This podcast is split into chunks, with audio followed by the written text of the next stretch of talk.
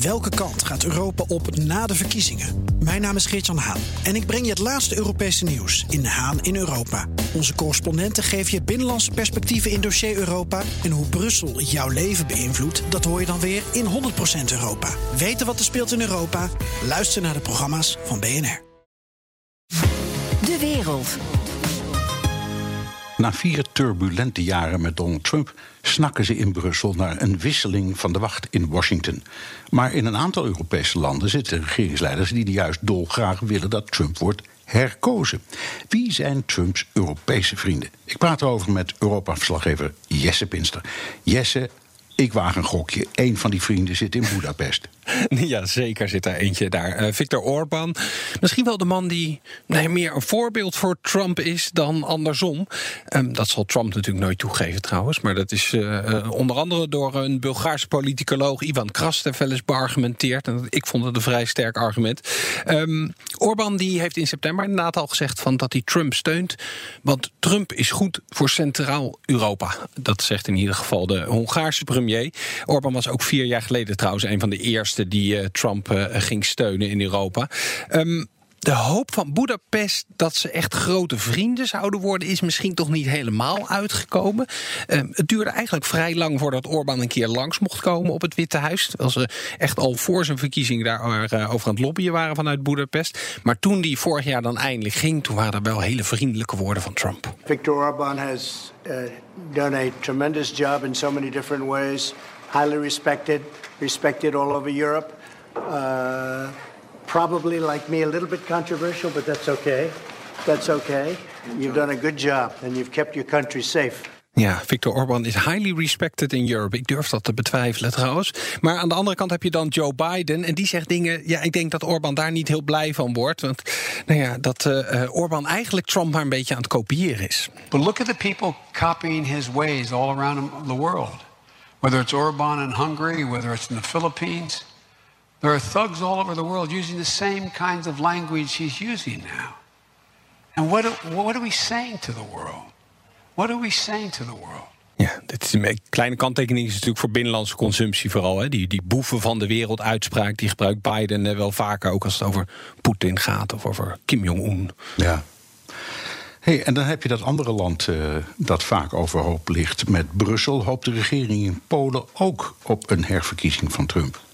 Ja, dat is een van de andere landen die nog wel eens door Biden uh, gerekend worden tot uh, de boeven van de wereld. Of in ieder geval de regering die er in Warschau zit. Ja, nee, Trump is een gro groot fan van de huidige Poolse regering. Bijvoorbeeld afgelopen zomer toen hij bezoek kreeg van de Poolse president Duda.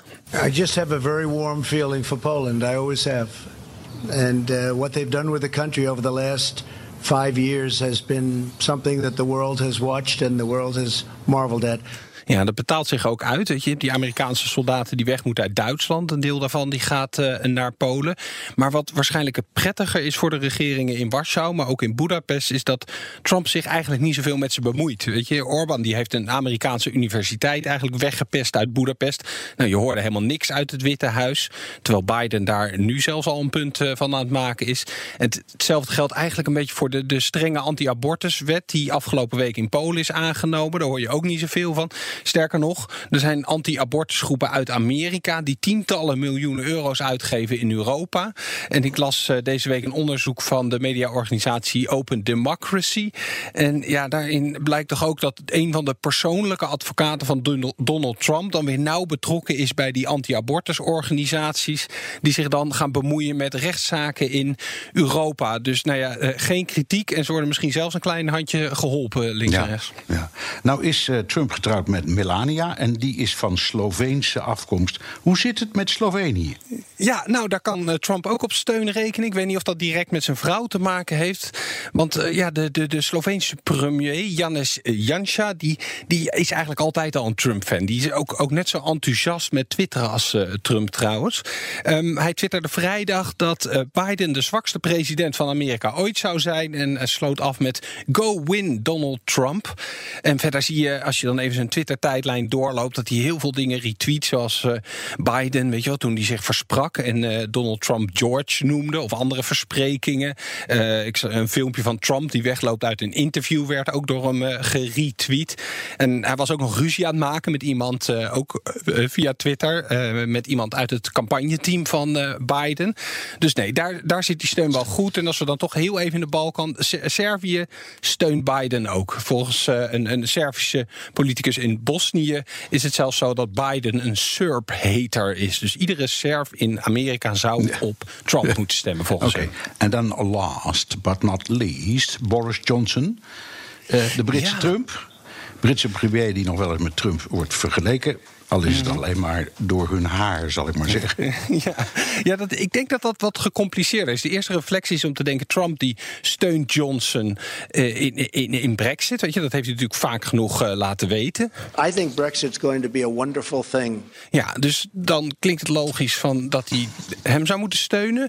Joe Biden, um, ja, die is niet de grootste fan van Brexit. Maar ik denk toch niet dat het zo simpel ligt. Ik denk dat.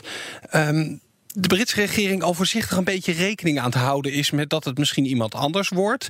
Je hoort hem ook niet meer zo, zo expliciet over, uh, over Trump. Dus dat ze al een beetje zo aan het aftasten zijn. En ja, wat is nou praktisch belangrijk voor die Britten, zou je kunnen denken? Ja, dat is toch dat handelsakkoord waar ze het de hele tijd over hebben. Dat ze dat briljante handelsakkoord met Amerika gaan afsluiten. Nou, dat is eigenlijk niks van terechtgekomen met Trump. Dus ik zou beargumenteren dat ze eigenlijk bij Biden meer kans hebben. Ook, ook inhoudelijk. Ik bedoel, de Britse regering vindt ook klimaatverandering een belangrijk onderwerp. Wil ook een Iran-deal in stand houden. Dus eh, inhoudelijk liggen ze eigenlijk dichter bij Joe Biden. Dus het is natuurlijk wel zo.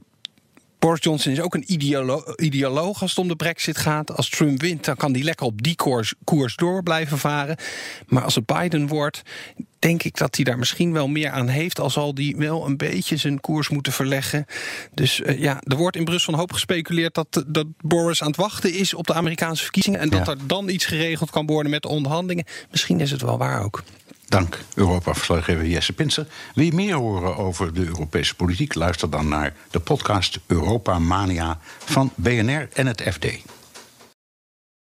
Ook Harm Edens vind je in de BNR-app. Je kunt BNR Duurzaam niet alleen live luisteren in de app, maar ook terugluisteren als podcast, zoals al onze podcasts. En naast dat de BNR-app Breaking News meldt, houden we je ook op de hoogte van het laatste zakelijke nieuws. Download nu de gratis BNR-app en blijf scherp.